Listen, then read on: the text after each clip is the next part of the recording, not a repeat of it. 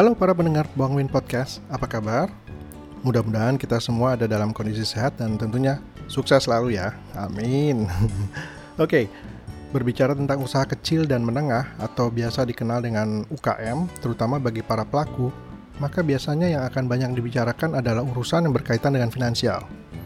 Ya, suka atau tidak suka, seperti yang kita ketahui, kebanyakan UKM itu bukan sebuah bentuk usaha yang memiliki karyawan yang banyak dan lengkap seperti perusahaan-perusahaan besar.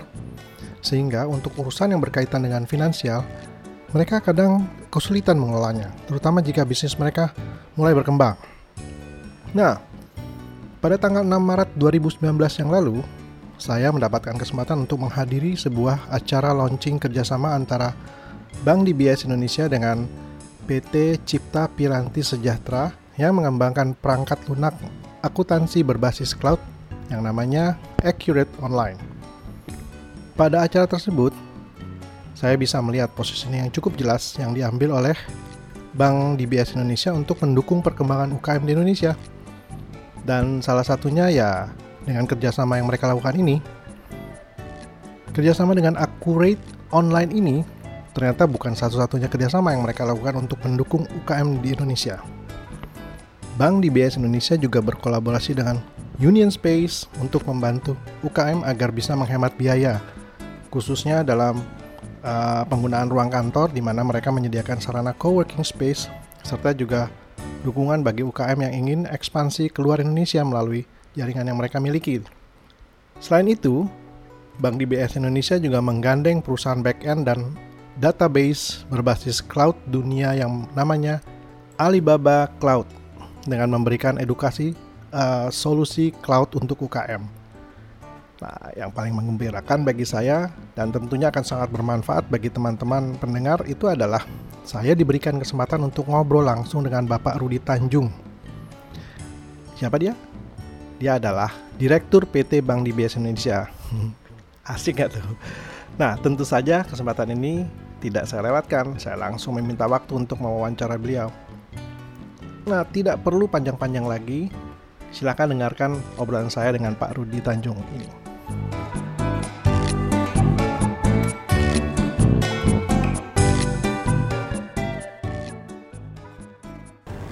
Oke, kita berjumpa dengan Bapak Rudi Tanjung, yaitu Direktur PT Bank DBS Indonesia. Selamat siang Pak. Wah, selamat siang Bang apa, Win. apa kabar nih Pak? Ah, kabar baik, luar biasa. Oke, kaitannya dengan dengan uh, pertemuan kita uh, siang ini, ini saya mau tanya-tanya nih Pak. Hmm. Tentunya dengan DBS ya. ya.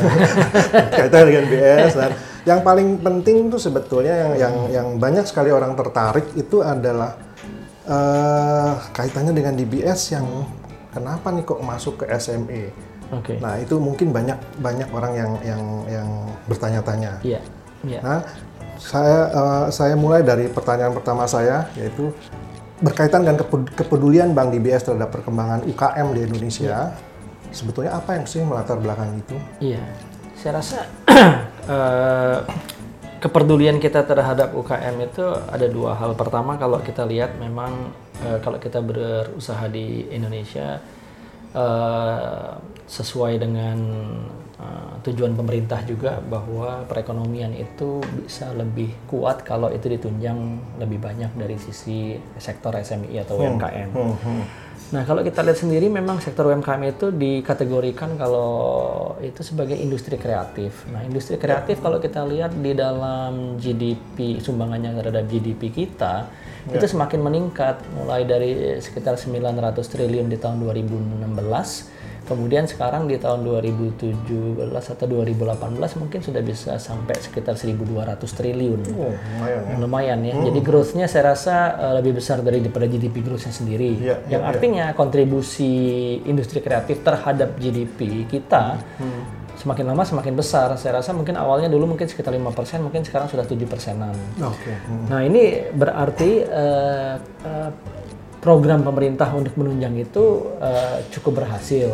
Nah, tapi sekarang pertanyaannya kan bagaimana kita bisa mengakselerasi growth itu supaya menjadi lebih besar. Ya, betul, betul. Dan juga uh, dengan perkembangan-perkembangan startup yang hmm. notabene mungkin dimasukkan ke dalam industri kreatif juga, ini kita lihat uh, opportunity-nya luar biasa besarnya. Nah, hmm. di situ kemudian kita melihat bahwa ada uh, peranan bank apa sih peranan bank di dalam ikut serta memeriahkan suasana uh, dalam perkembangan ekonomi kita itu nah kita lihat bahwa oh ya ternyata bisa juga karena uh, di mana-mana dalam dunia usaha pasti dia akan melibatkan aktivitas perbankan. Ya betul nah, betul. di situlah kemudian perbankan mana sih yang mau kemudian uh, memberikan solusi yang lebih baik manakala memang mereka memerlukannya. Kalau kita tahu tadi uh, uh, sebelumnya kalau UMKM itu mungkin challenge dari awalnya itu adalah managing cost. Ya, nah, ya, betul, itu betul. kemudian uh, kita mungkin masuknya di situ. Ah, Oke. Okay. Nah, ber, ini menarik sebetulnya. Karena gini, uh, otomatis kalau sebuah bank uh, sebuah bank seperti Bank DBS ini tertarik untuk uh, masuk ke membantu UKM hmm. itu tentunya pasti ada yang ada hal-hal yang eh, fakta-fakta yang hmm. ada dalam dalam dunia UKM Indonesia yeah, nih. Kira-kira yeah. ada informasi nggak pak tentang yeah. UKM di Indonesia ini? Jadi sebenarnya UKM itu juga sama juga any profit organization tantangannya yeah. sebenarnya mirip. Hmm, Cuman hmm. mungkin uh, buat UKM challenge-nya lebih besar karena apa? Karena size-nya memang uh, eh, UKM itu kan kecil. Yeah, Jadi betul uh, kalau kita analogikan misalnya di dalam suatu musibah atau prahara gitu gelombang kecil aja yang kecil kan ikut hanyut iya, gitu kan betul, betul, gedung betul. besarnya enggak hmm. gitu nah jadi bagaimana sekarang challenge-nya supaya dia tidak ikut hanyut dalam gelombang-gelombang kecil itu nah hmm. di situlah kita ingin memperkuat hmm. nah kalau kita balikan lagi ke dunia usaha berarti hmm. itu kita ngomongin aktivitas keuangan ya, nah ya. aktivitas keuangan itu ada dua juga kan sebenarnya orang berusaha itu satu kan menjual produksi atau jasanya hmm. dan mendapatkan uang tapi pada saat yang bersamaan dia juga harus membayar uh, raw materials, hmm. labor, uh, utility hmm. segala macam. Hmm. Nah intinya dia harus make sure bahwa pengeluaran jangan sampai lebih besar daripada hmm. penerimaan. penerimaan betul, Karena betul. kalau enggak lebih besar pasak daripada tiang. Yeah. Nah, tantangannya gimana caranya mereka memforecasting hmm. misalnya hmm. revenue-nya gimana datangnya Nah, uh, kalau in the traditional way tentunya bisa dilakukan juga pakai tulis tangan kan iya, bisa bener. saja dapat penerimaan ini satu dua tiga jumlahnya berapa uh, kemudian dari siapa gitu kan. Nah, cuman uh, lama-lama semakin besar bisnisnya kan semakin kompleks juga. Betul, betul. Dan kita juga kaitkan dengan sustainability tadi. Yeah. Sustainability begini kalau dia dalam pembukuannya masih hard copy, kita bisa bayangkan misalnya ya ini mohon maaf knock yeah. kebakaran hmm. atau kemudian fraud atau salah nulis, nolnya kebanyakan satu atau kekurangan satu. Ini kan dia nggak bisa reconcile at the yeah, end of the day kan. Nah, jadi kemudian uh, di situlah teknologi bisa membantu karena digitalisasi hmm, dari hmm, penerimaan dan pengeluaran itu memudahkan mereka untuk mereconcile yeah, apa yeah. yang memang harus keluar dan ke mana keluarnya, kapan keluarnya, hmm. atau berapa yang harus diterima, berapa yang diterima, dari siapa dia menerima, yeah, gitu ya. Yeah. Sehingga jangan sampai dia juga sudah berproduksi banyak, jualan banyak, tapi duitnya nggak datang-datang dan yeah. dia nggak tahu, aduh gitu. Sampailah tiga bulan kemudian baru lihat, oh iya si ini belum bayar, si itu belum bayar Nah itu yang kemudian yeah. kita mencoba membantu managing their cash flow, betul. baik dari sisi penerimaan maupun pengeluaran. Betul betul. Jadi itu kaitannya dengan ini ya, apa dengan build, uh, growth ya. Yeah. Makin berkembang sebuah bisnis itu kan kompleksitasnya makin betul. tinggi. Nah kemudian di situlah masuk peranan uh, Bank DBS di sini. Betul. Nah kalau dari skala skala Indonesia, uh, sebetulnya peranan DBS dalam membantu pertumbuhan digital ekonomi bayangannya seperti apa sih Pak? Ini kan sebetulnya DBS, DBS kan juga masih Iya. Baru ya Pak. Jadi kita itu sebenarnya tepat sekali sih Bang ini ya. bilang kita masih baru dan kita juga belum terlalu besar. Ya. Tapi di situlah kemudian menurut saya opportunity-nya. Karena kalau banknya sudah besar dan sudah punya established business, justru buat mereka untuk beralih ke digital ekonomi atau digital bank. Iya, betul, betul. Dia merasa ada sesuatu yang harus dikorbankan karena kayak rumah deh gitu ya. Iya, betul. Lebih mudah membangun rumah di tanah kosong daripada membangun rumah di tanah yang ada rumahnya Oh, iya, gitu. betul. Karena kita di- dihadapi dengan pilihan apakah kita harus menghancurkan rumah ini. Iya, betul. Satu. Terus kalau menghancurkan apakah the whole rumah, the whole house atau eh, luarnya aja strukturnya kita pakai gitu kan untuk menghemat ongkos gitu misalnya. Nah, kita justru karena kita belum terlalu besar. Nah, ini enak buat kita. Ini kayak kita quantum leap. Ini Hmm, kayak telkonya Indonesia lah. Dia melewati pokoknya dari dulunya fixed line langsung ke eh, mobile gitu. Iya, Dan mobilenya sekarang kita udah 4G, dan sebentar lagi 5G. Negara-negara lain kan harus bertahap Iya, melewatinya. betul, Nah, kita juga di DBS kita kayak quantum leap juga gitu dari ya udah dari bisnis yang ada karena memang size-nya juga belum terlalu besar kita Hmm. sudah kemudian kita bilang oke digital economy atau digital bank is the way doing business in Indonesia kenapa karena infrastrukturnya sekarang juga sudah memungkinkan Betul, betul. Nah, jadi intra- internet provider, eh, computer literacy, Iya, iya, eh, iya. eh, kemudian eh, spending ya, eh, eh, spending powernya dari eh, masyarakat itu juga semakin meningkat. Dan itulah kemudian kita melihat opportunity itu. Ah, Oke, oke, menarik ya. Jadi em, memang memang artinya memang eh, kalau saya bisa ambil sebuah apa saying itu gayung bersambut ya itu ya. Iya, iya, Jadi betul. si si siapa si eh, masyarakatnya sudah sudah mulai masuk ke dalam era tersebut, kemudian di bias juga mengambil mengambil waktu yang tepat istilahnya ya. Iya. Oke, nah kalau begitu kira-kira sudah eh, berapa banyak sih daerah di Indonesia yang menjadi bagian aktivitas Bank DBS saat ini? Kita itu kan kebetulan tahun lalu meng-acquire bisnisnya ANZ. Oh, oke. consumer bankingnya. ya. Mhm. Jadi physical presence kita itu mungkin bertambah walaupun tidak banyak karena eh, ada beberapa yang overlapping juga Mhm. ex ANZ-nya. Tapi mungkin kita paling tidak ada sekitar 15 kota di seluruh Indonesia lah. Eh, cabangnya mungkin mendekati 40-an, Mhm. nah, kotanya 15-an. Oke. Nah ini eh, menurut kita cukup karena kotanya itu kota-kota yang menurut kita opportunity-nya juga masih cukup besar, infrastruktur juga memungkinkan, jadi sesuai dengan target market kita. Iya, iya. Oh, oke. Oke. Oke, dan nah artinya kan eh, eh, mulai ya, mulai yang, yang di kota tadinya kan kalau saya sih ngelihat DBS ya memang di kota-kota besar aja dan sekarang sudah mulai mulai ke mana bertambah ya. Iya. Soalnya ini sangat relevan dengan kalau memang niatnya memang masuk ke SME, maka SME kan memang banyak eh, kita nggak bisa melihat SME hanya di ko- di kota-kota besar aja tentunya. Iya, betul, Ini betul. tersebar seperti eh, eh, tersebar di seluruh Indonesia sebetulnya ya. Oke. Nah, eh, saat ini kita dapat melihat bahwa aktivitas berbisnis eh, itu mengalami banyak perubahan karena eh, terjadinya yang kita namakan eh, disrupsi ekonomi ya. Iya. Dan sepertinya sih eh, Bank DBS ini ingin ikut menjadi bagian dari pemberdayaan tersebut. Iya. Nah, sekarang apa sih rencana Bank DBS yang menjadi bagian dari pemberdayaan UKM di Indonesia?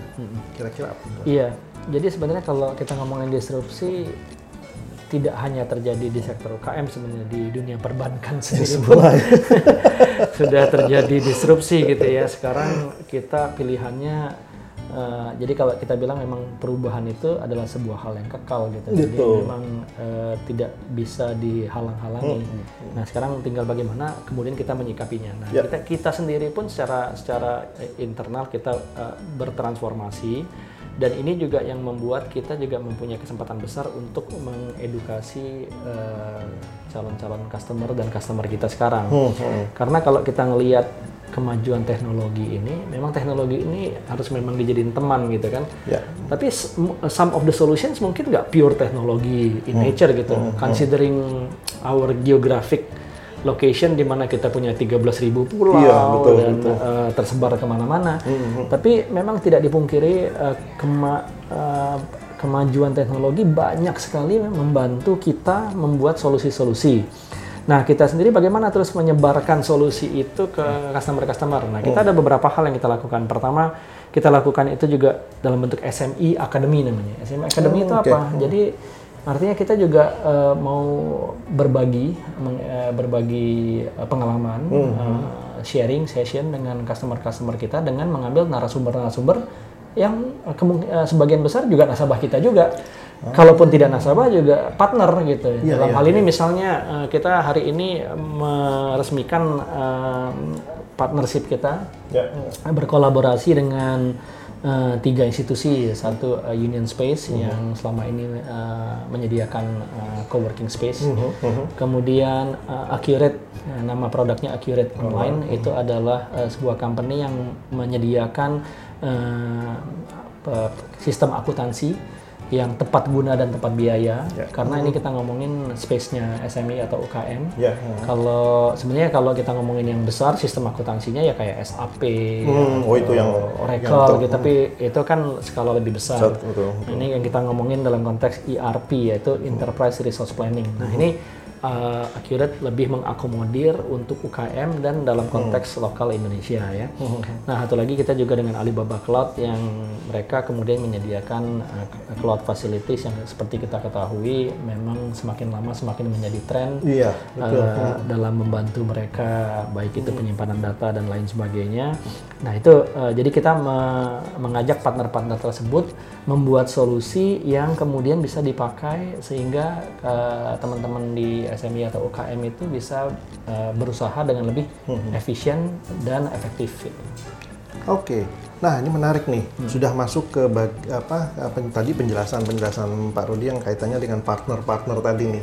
Ini saya ingin bertanya sedikit lebih dalam tentang salah satu partnernya ini ya. Ini eh, di, era zaman sekarang ini kan semuanya semuanya tuh kita bisa sebut sebagai it's all about work smarter gitu ya. Kelihatannya tuh di atasnya sih kalau saya lihat sih sama dengan misi Bank DBS yang live more bankless. nah, sekarang em, bisa dijelaskan nggak bagaimana Bank DBS ini bisa menjalin kerjasama dengan eh, salah satu eh, yang baru saja di launch itu ya dengan Iya. Ac- Accurate Online. Accurate Gimana sih kerjasamanya tuh Pak?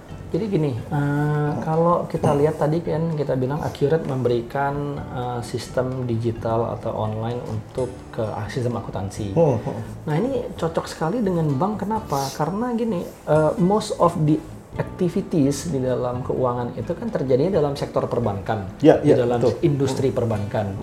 Nah eh, kalau tidak ada digitalisasi dan tidak ada partnership, yang terjadi adalah begini, teman-teman di SME atau UKM itu dia akan mencatat eh, secara manual, Hmm. eh, baik dari semua penerimaan maupun pengeluarannya. Ya itu tadi. Nah, challenge-nya tadi kan balik lagi masalah rekonsiliasi kan. hmm, ribet Nah, ya. dengan semakin besarnya company-nya kemudian semakin ribet dan kompleks, Hmm, itu kemudian eh, mereka punya challenge tersendiri. Kenapa?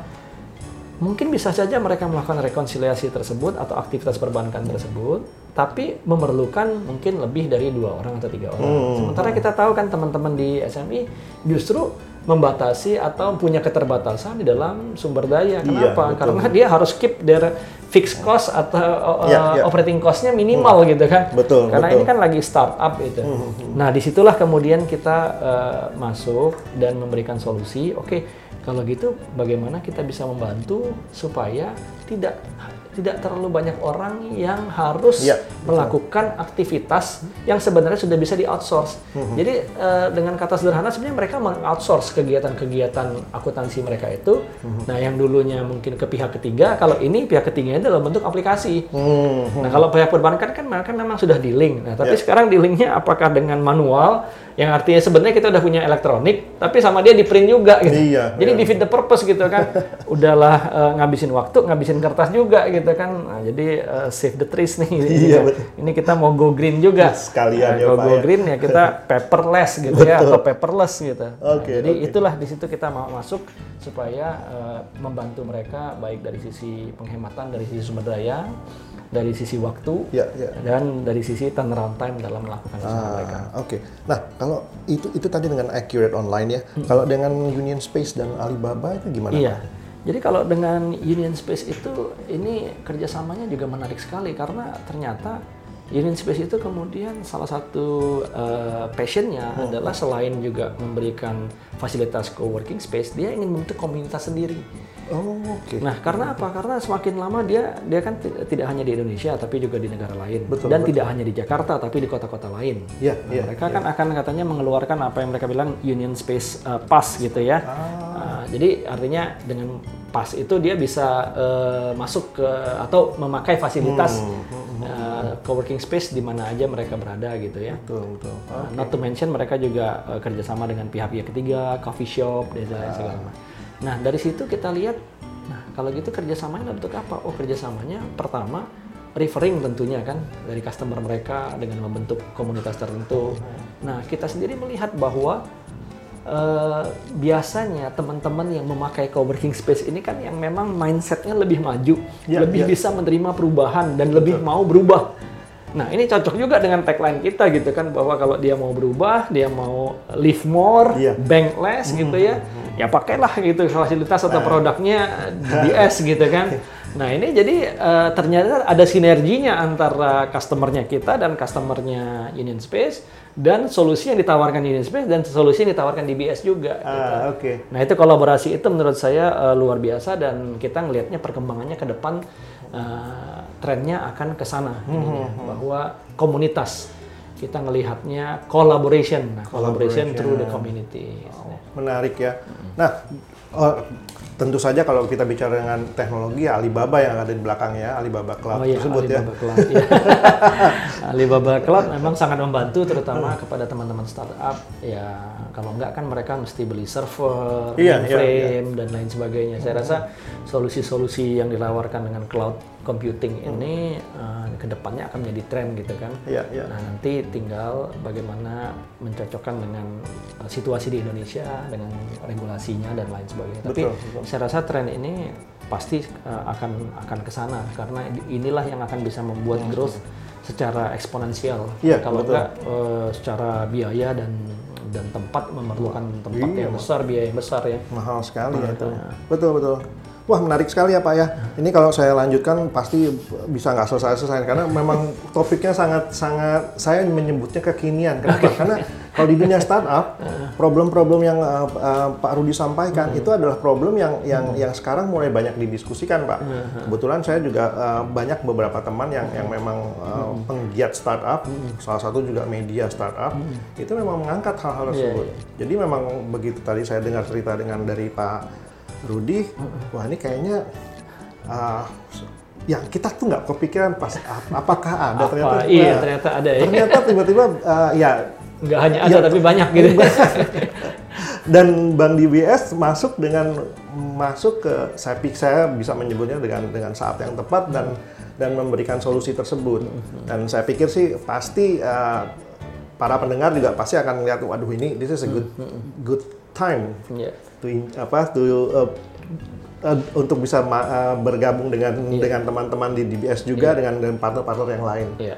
ya kita harapkan uh, uh, bisa sukses terus dan Terima kasih. terima kasih banyak Pak Rudi Kami yang terima kasih. ah sama-sama Pak Untuk informasi lebih lanjut, eh, silahkan mendatangi booth-booth kami juga di beberapa tempat seperti Union Space Ya. atau eh, booth Digibank by DBS di beberapa mall eh, atau kunjungi website kami juga bisa eh, sehingga nanti informasinya bisa lebih baik. baik pasti nanti akan saya cantumkan Iya. di blog juga Terima nanti kasih. semua orang-orang akan akan bisa mendapatkan informasi yang cukup lengkap dengan ini Terima kasih Bang Win. ya terima kasih uh, sukses selalu Pak dan juga sukses buat Bank DBS dan partner-partnernya Ya, terima kasih.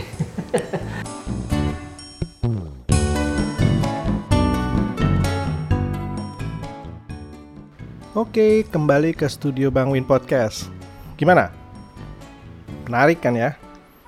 Rasa-rasanya belum banyak bank di Indonesia yang begitu peduli terhadap perkembangan UKM seperti yang dilakukan oleh Bank DBS Indonesia ini. Silakan kunjungi website Bank DBS Indonesia di www.dbs.com untuk mengetahui lebih jauh tentang aktivitas-aktivitas Bank DBS Indonesia dalam usaha mereka membangun ekosistem UKM di Indonesia. Dan saya, Bang Edwin, kembali jumpa lagi di episode berikutnya masih tetap di Bang Win Podcast. Bye-bye.